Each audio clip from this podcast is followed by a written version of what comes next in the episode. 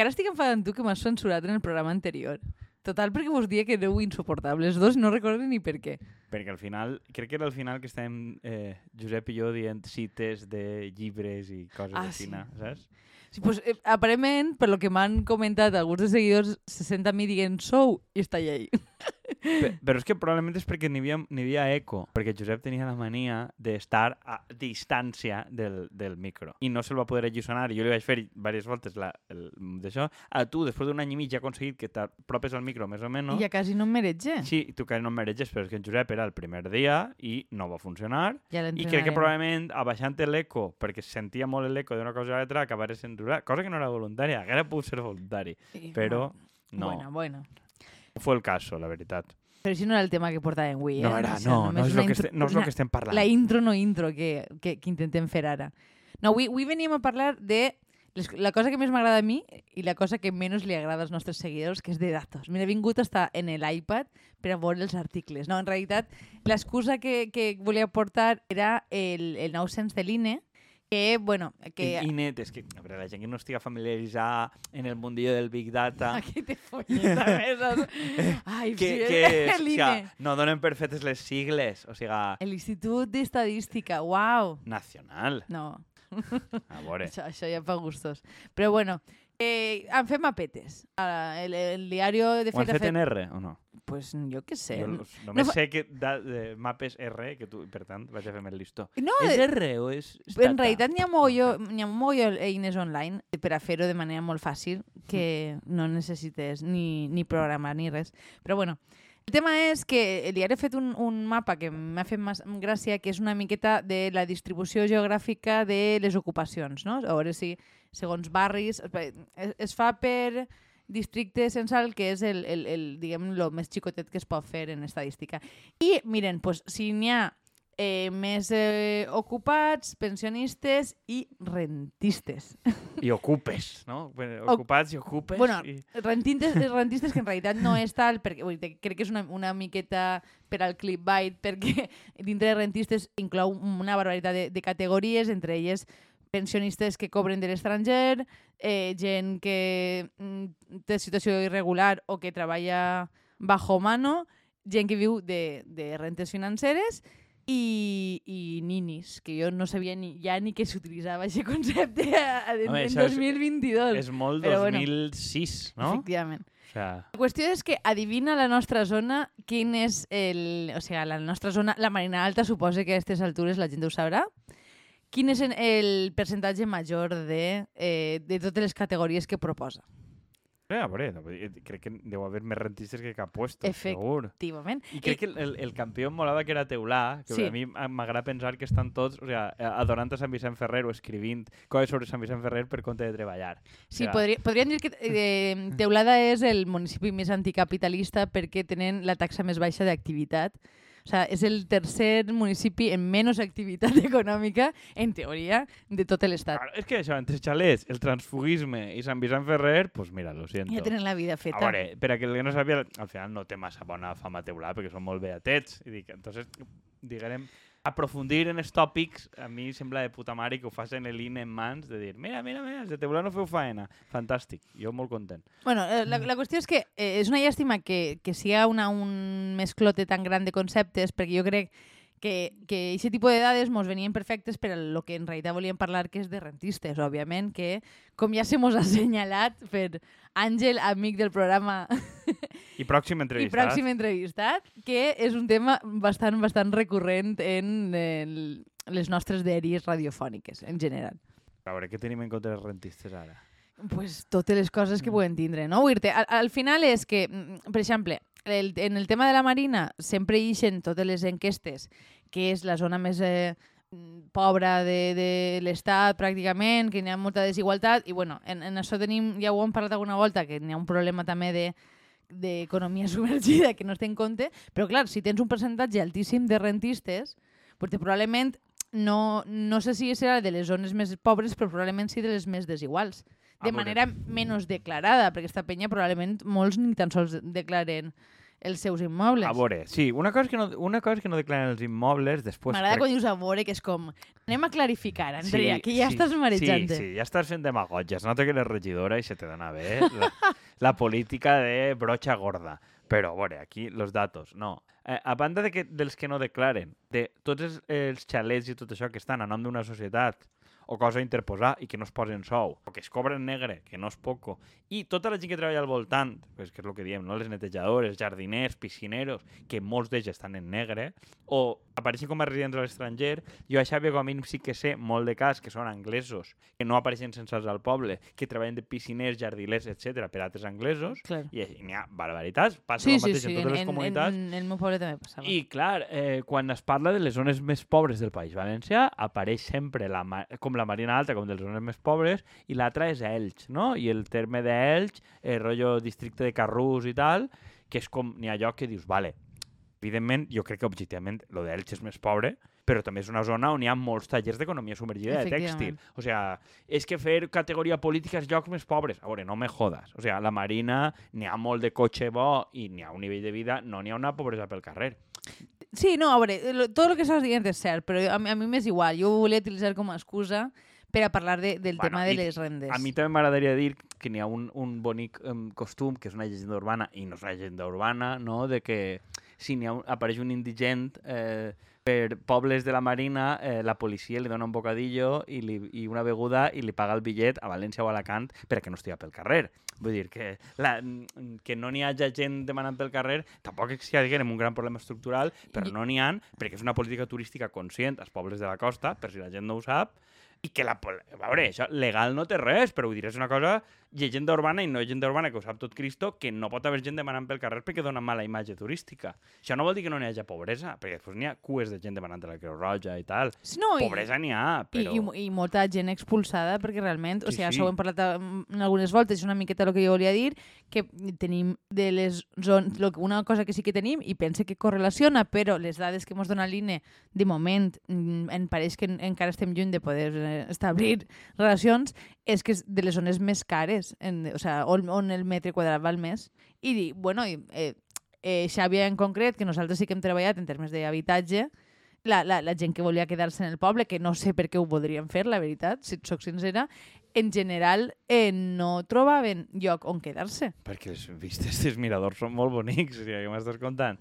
Quin, quin altre motiu? Allí es viu de puta mare i tal. Si tu tens família i tens cases, vius de puta mare. Si no, al carrer. Però sí, a veure, jo conec casos, sense anar més lluny, dins de la meva família inclús, de gent que es aconsegueix jubilar a la cinquantena perquè pot viure dels lloguers, i perquè el lloguer turístic, cases que tu li treus més o menys una misèria, o un lloguer que li podies treure 400 pavos o 500 pavos com a molt, fent una reforma turística passa a generar 60.000 o set- 70.000 pavos a l'any. Però és que, és a dir, fins i tot en, en municipis d'interior, com, com el, el meu poble, o sigui, el, el increment del tema és que com la majoria no... Aquestes dades no són públiques, jo ho sé perquè la gent que va buscar casa ho compte, no? Però vull dir que cases d'un poble xicotet com Lliber, Lliber de mil habitants, està a l'interior, no està a prop de la costa, costen fàcilment ja mil, mil i pico, no? Vull dir crec que, crec que el tema que estem parlant en el fons, i crec que, bueno, ja, ja sabeu que a mi el tema de la política pública m'agrada, no? Perquè al final... sí? Que, vull dir, Sorpresa. eh, n'hi ha molta... A mi, a mi és un tema que encabreja molt, el tema de, del lloguer i el preu de la- de, de l'habitatge en general. Eh, Andrés Boix feia un article al respecte en València Plaza fa, fa poquet, jo me l'he llegit avui per a veure... El que dia, la veritat és que en línies generals estic bastant d'acord. Poc pesat per a ser Andrés, l'article ese. És que crec que li de l'estómac. I, Sí, eh, sí, això... sí. No, crec que m'ho va dir Andrés que l'havia fet prou ràpid i se li dona millor, perquè home, a, a part de posar alguna de les seves referències en francès, com per a quedar de guai, que que se, sempre fa eh, drol de cris o coses així, no sé si t'has fixat. Que No, sempre... no, jo no sols quan- parlem de rendes, també fem crítica literària. Este Sí. programa dona pa tot. No, és que Andrés té que deixar sempre la seva coseta de doneu-se compte que este no és un article més. Però sí, això estava molt bé. I era, era com una cosa com de regalant rellevància social. Andrés, te queremos. Un besito de nou a Andrés, que últimament sempre el mencionem en el, en el programa. Però bueno, que, que la sensació és que si no, és, o sea, si no es limita el preu del lloguer, si ja saps que jo sóc escèptica en, en, realment en lo que això implica, i ara ho parlarem més, més en detall, tota la resta de polítiques públiques no serveixen per a res. Perquè qualsevol cosa incentiva, o sigui, que intente incentivar la economia, eh, que intente facilitar la vida dels veïns, acaba convertint-se... O sigui, com en el cas de Barcelona, el fet de que tu poses dos putos maceteros ja és suficient perquè et pugen més de 200 euros el lloguer. I, i, i això, eh, vull dir, i, és un problema, vull dir, que et dona igual el que fas, és que dona igual... Jo, jo, n'hi havia un vídeo de TikTok que em feia molta gràcia, que era una xica negra diu, com, com faig jo per a baixar el lloguer? I, i pegava tirs cap al techo per a que la gent no s'apropara, no? I crec, crec que estem en eixes, vull dir i ja no és una, una qüestió de grans entitats financeres, que és un... Vull dir que crec que estem parlant ja de, dels huelos i hueles que tan guapets són i també queden en pantalla. A veure, la, però és que l'estratègia política d'això i la gent que està en sindicats de llogaters i coses així, eh, ho diu... O sigui, a més és el que s'ha fet els últims 10 anys del 15M cap a sí. S'ha parlat molt, de que, no dic que no sigui un problema menor, en grans ciutats la moguda de els fons d'inversió, la compra de cases, vull dir que això realment està passant. No, no, sí. I la Sareb i compra un fons d'inversió, però a veure, és que crec que el 70-80% com a mínim de l'oferta de lloguer que n'hi ha a Espanya són persones individuals o com a mínim algú que té tres, quatre Recordem pisos. que el, o sea, el debat en la llei d'habitatge era en que menys de 10 pisos era xicotet propietari. Vull dir que, que crec que et diu molt bé també, una, 15 electora del PSOE i dos, eh, a quin tipus de persona no li vas donar rellevància, però tens un percentatge importantíssim que, de, de, de persones que tenen fins a 10 cases, no? I vull dir, ja, li, ja poden ser adorables com a persones o el que tu vulguis, però al final, si aquesta gent està basant en el lucre i en que pot, vi és a dir, pot viure la vida que no poden viure ningú dels demés. És que, de veritat, jo he sigut una persona que no ha cregut mai en la compra d'habitatge, però és com...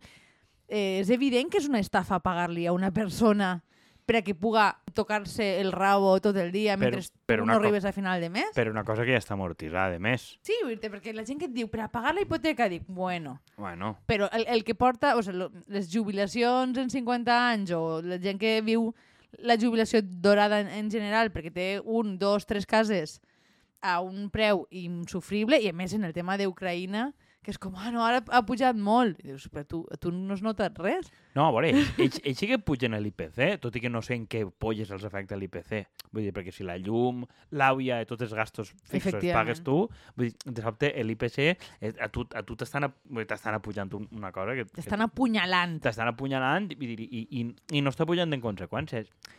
És normal, o sigui, crec que era el Gran Wyoming, o un, crec que era el Gran Wyoming com que tenia, com tenia 35 pisos, una cosa d'aixes. Vull dir que per donar-se compte de, de quin és el vehicle d'inversió de la progressió espanyola... Vull Bueno, dir, i el, i el senyor este que és cantant, que tenia també una, una agència immobiliària, que es deia El pan de mis hijas. Eh, no sé si era Sabina o uno d'estos. Ah, sí, claro, també. El pan de sí, mis sí, hijas, sí. era un cutre, saps? A veure, no, però és que crec que la mentalitat de gent tipus Wyoming, Sabina i companyia, i la relació que té això en l'immobiliari, és que eixa gent, i sobretot si tenen una cultura poc dona del risc financer i en realitat des de Espinosa de los Monteros i companyia es dediquen a tema immobiliari i després l'esquerra, entre cometes, de Sabina i Wyoming no confia tampoc en fer inversions en bolsa, no invertir... Que, a, veure, a mi tampoc, perquè claven els diners en bitcoins, doncs no sé, suposa que és més prudent invertir-ho en això, però al final dones cosa que és una cosa compartida a dreta i a esquerra, de que l'únic segur és l'habitatge i tal, i lo fotut és que des del punt de vista pressupostari, si tu entrara una millona, què faries? O sigui, on invertiries la pasta? Vull dir, és que tampoc... Mm, no, dir, tu probablement diries, vale, pues si faig lloguers intentaré que siguin menys tal qual, però en el fons és el que entens. Vull dir, una persona sense cultura financera de sobte té diners o els estalvis de la vida, compra un piso o compra diversos pisos o compra una casa. Nosaltres que probablement ho acabaríem malbaratant en, en producció cultural. Eh, efectivament. però vull dir, això és una... Tal, però, però al final, si, si tu vols tindre un segur, l'única cosa que tu entens i que entens que no va degradar-se mai i que si es degrada ho cobrirà el segur perquè serà un terratrèmol, una inundació i tal, l'únic és l'habitatge. Totes les altres són coses que, per això el bitcoin pot anar-se a la merda, la bolsa també, invertir en una empresa no està garantit, el piso, la casa, tu saps que va seguir funcionant.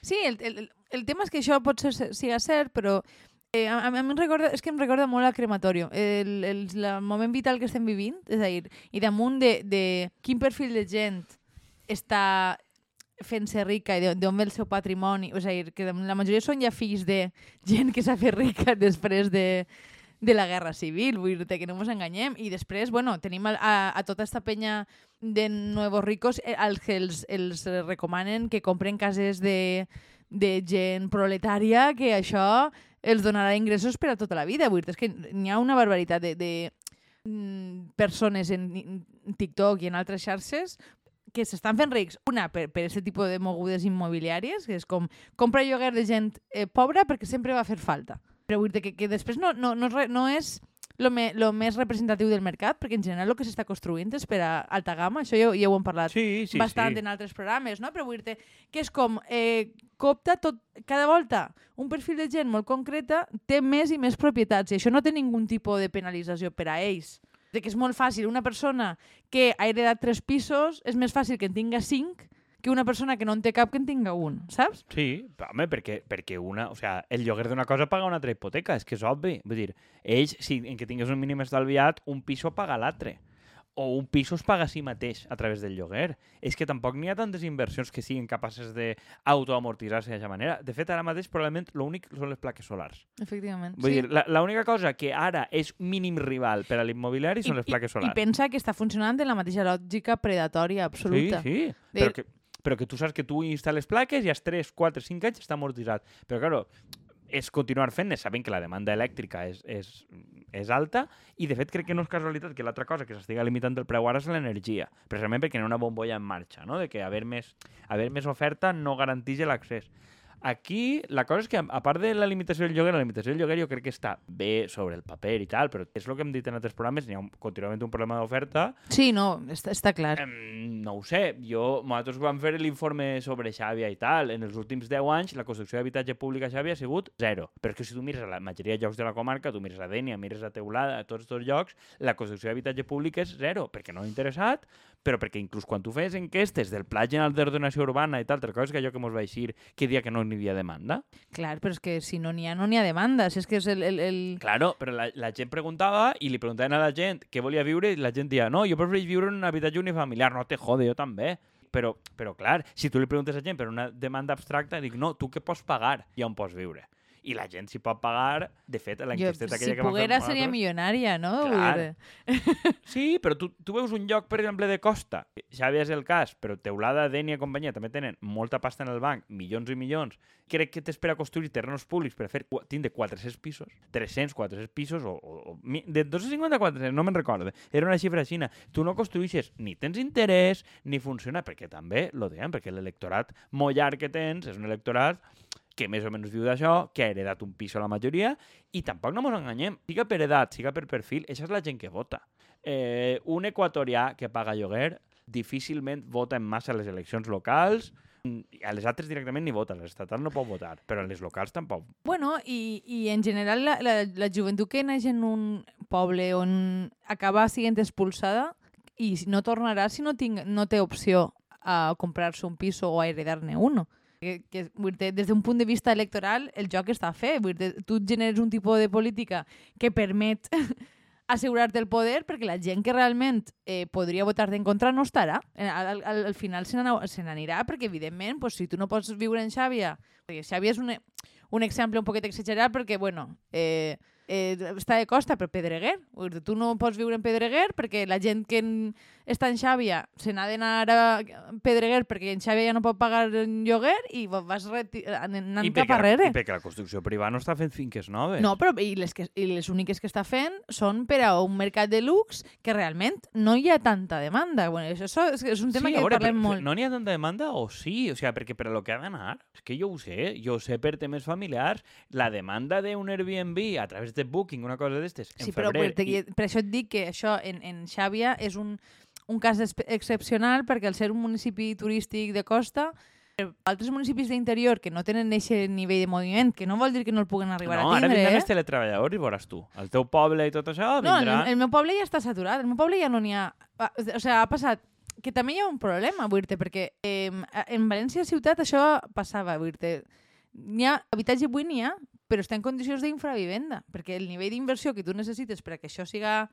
mm, rentable, entre cometes, no el vas, no vas a posar en marxa, no? En Llibre, en, o sigui, en un poble passa el mateix. N'hi ha moltes cases buides, però estan al, al borde de la, de la de, o sea, van a caure. Van a caure, però també perquè suposa que has de protegir la façana, has de respectar coses... O sigui, que també tenim plans, que és una paradoxa que hem parlat també, no? De la, la, el tema de la protecció progre. La protecció progre és que tu tens que respectar la façana, l'estructura, eh, la paret que tindre pedra, no sé què, la finestra. I n'hi ha una sèrie de coses que multipliquen la inversió necessària per a dos. Qui pot pagar això no és una persona que vagi a viure ahí. Només pot una persona que va arreglar-la com a casa rural o equivalent, eh? perquè és l'únic que pot respetar els requisits patrimonials i tal, i estic segur que la immensa majoria de gent que vota Compromís, Podemos i companyia està d'acord en que hi ha que respectar els cascos històrics. Ah, segur. I que tu no pots posar plaques en el sostre, i que tu les finestres no les pots fer de PVC perquè tinguin una persiana de fusta. Tu saps que, que és una de les meves obsessions, no? El tema de el, la, la, el conflicte entre habitabilitat d'un espai i, i el patrimoni, que sempre sempre està sobre la taula, sobretot en, en llocs que són turístics, no? A València, en un dels casos que més es veu és en el Cabanyal.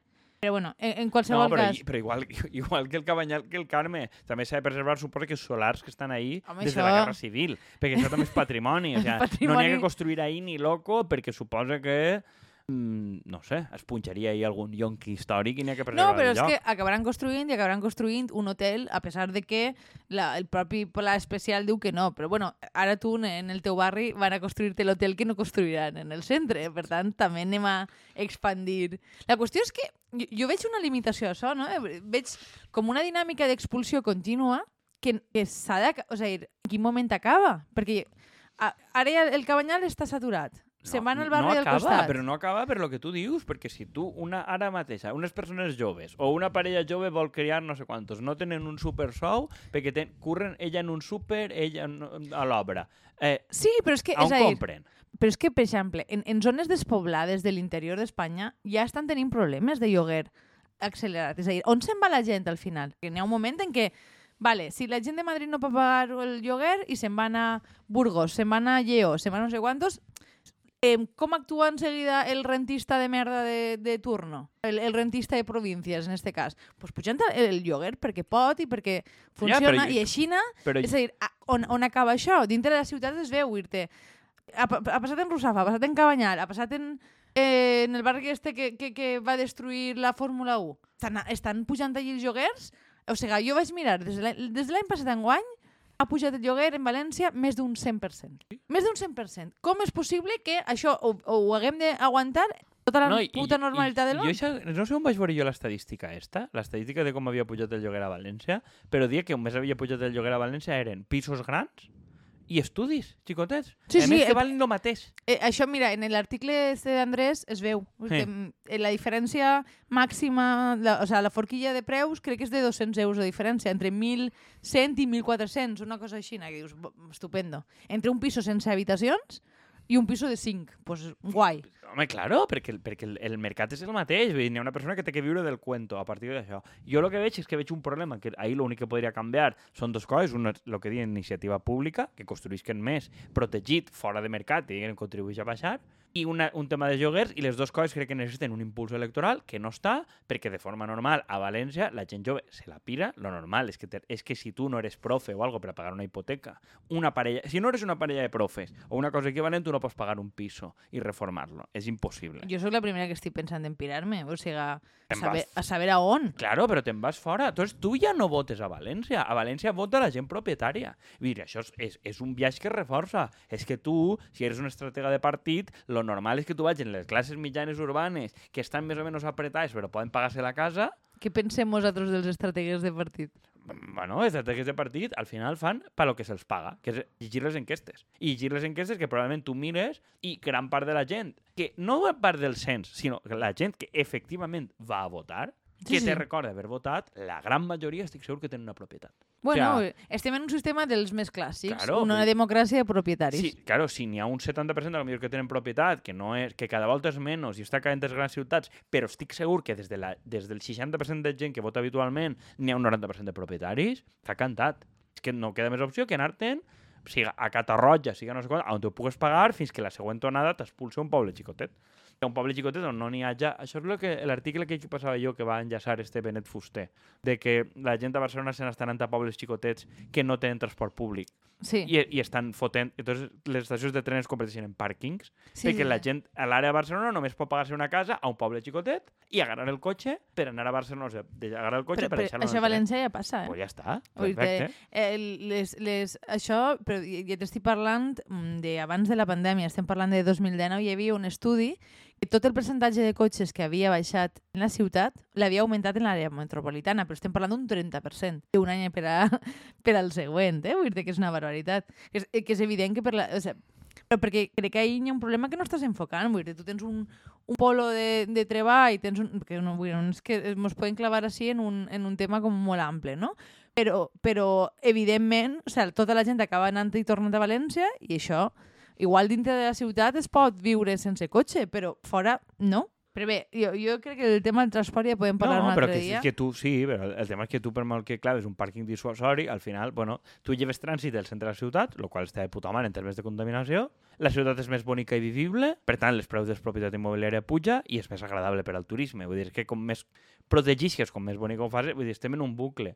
I jo crec que el, el, el bucle està de que, d'alguna manera, el que haurien de fer els governs és començar a actuar activament a favor d'un tipus de població que normalment no vota, que no va a votar-los perquè ho facin, perquè està poc ideologitzat en general. Però és que jo no crec que això ho faci a fer el govern. És a dir, eh, jo estava pensant en, val, sempre acabem enfocant de què ha de fer el govern, però a mi m'agradaria que tornarem a que què hem de fer nosaltres com a societat, sí, societat civil, que mai entès el No, concepte. però jo, societat civil, et dia abans d'entrar, que està que pleguem al moment. Bueno, acaba, acaba. No, és que, lo, és que ja anaves a tallar-me, no saps per on vaig i dic, és que mos anem a anar. Pensava que havies acabat. No, eh, que lo que, lo que anava a dir és que jo una de les coses que més positiva veig dels últims anys, i crec que la pandèmia té molt a veure, és del tema del creixement dels sindicats de lloguers, o sigui, de llogaters. Perquè crec que és un... un o sigui, a més, el, la quantitat de il·legalitats que es fan en el, el fet de, de, de sentir-te absolutament impune per a tirar algú. Jo he llegit una, una entrevista que feien en, eh, este matí en el Salto eh, sobre gent que viu en, en habitacions compartides i que no deixa o sea, i que els, els fan fora o els pugen el lloguer perquè consi es considera que com són només lloguen una habitació que no tenen dret a la protecció a casa sencera, que dius damunt, que estàs els 40 anys vivint a soles, s'aprofiten d'això. Ah, el piso d'estudiants, sin dir, eh? Sí. Però el, el tema és que això és una situació que, que mos fa mal me mental a, a tots, però dir que crec que hem d'assumir el que, que un, un sindicat de llogaters no va ser una cosa eh, majoritària, perquè hi ha un problema de genera generacional i per tant s'ha de desmitificar que només són els, els eh, grans propietaris els que fan mal, sinó també són aquestes persones que han tingut l'oportunitat i que se n'estan aprofitant i que ja està bé de protegir a huelets, perquè jo, jo ja saps que la, la, una de les meves eh, la propietat del meu anterior pis, en el tema de, de que tenia càncer, va voler clavar-nos un 50% d'augment de, de lloguer de pis. Vull dir que no és cosa menor.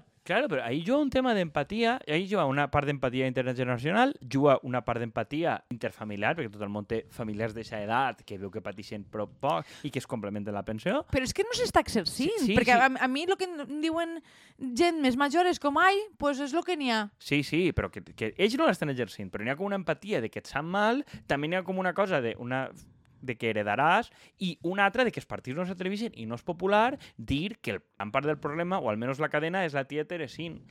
I és mal de dir que hasta que la tia Teresín no tinga por i hagi de mirar baix del cotxe, no, perquè no en té, però potser baix del carro, perquè Perquè vaig del carro de la compra. la compra.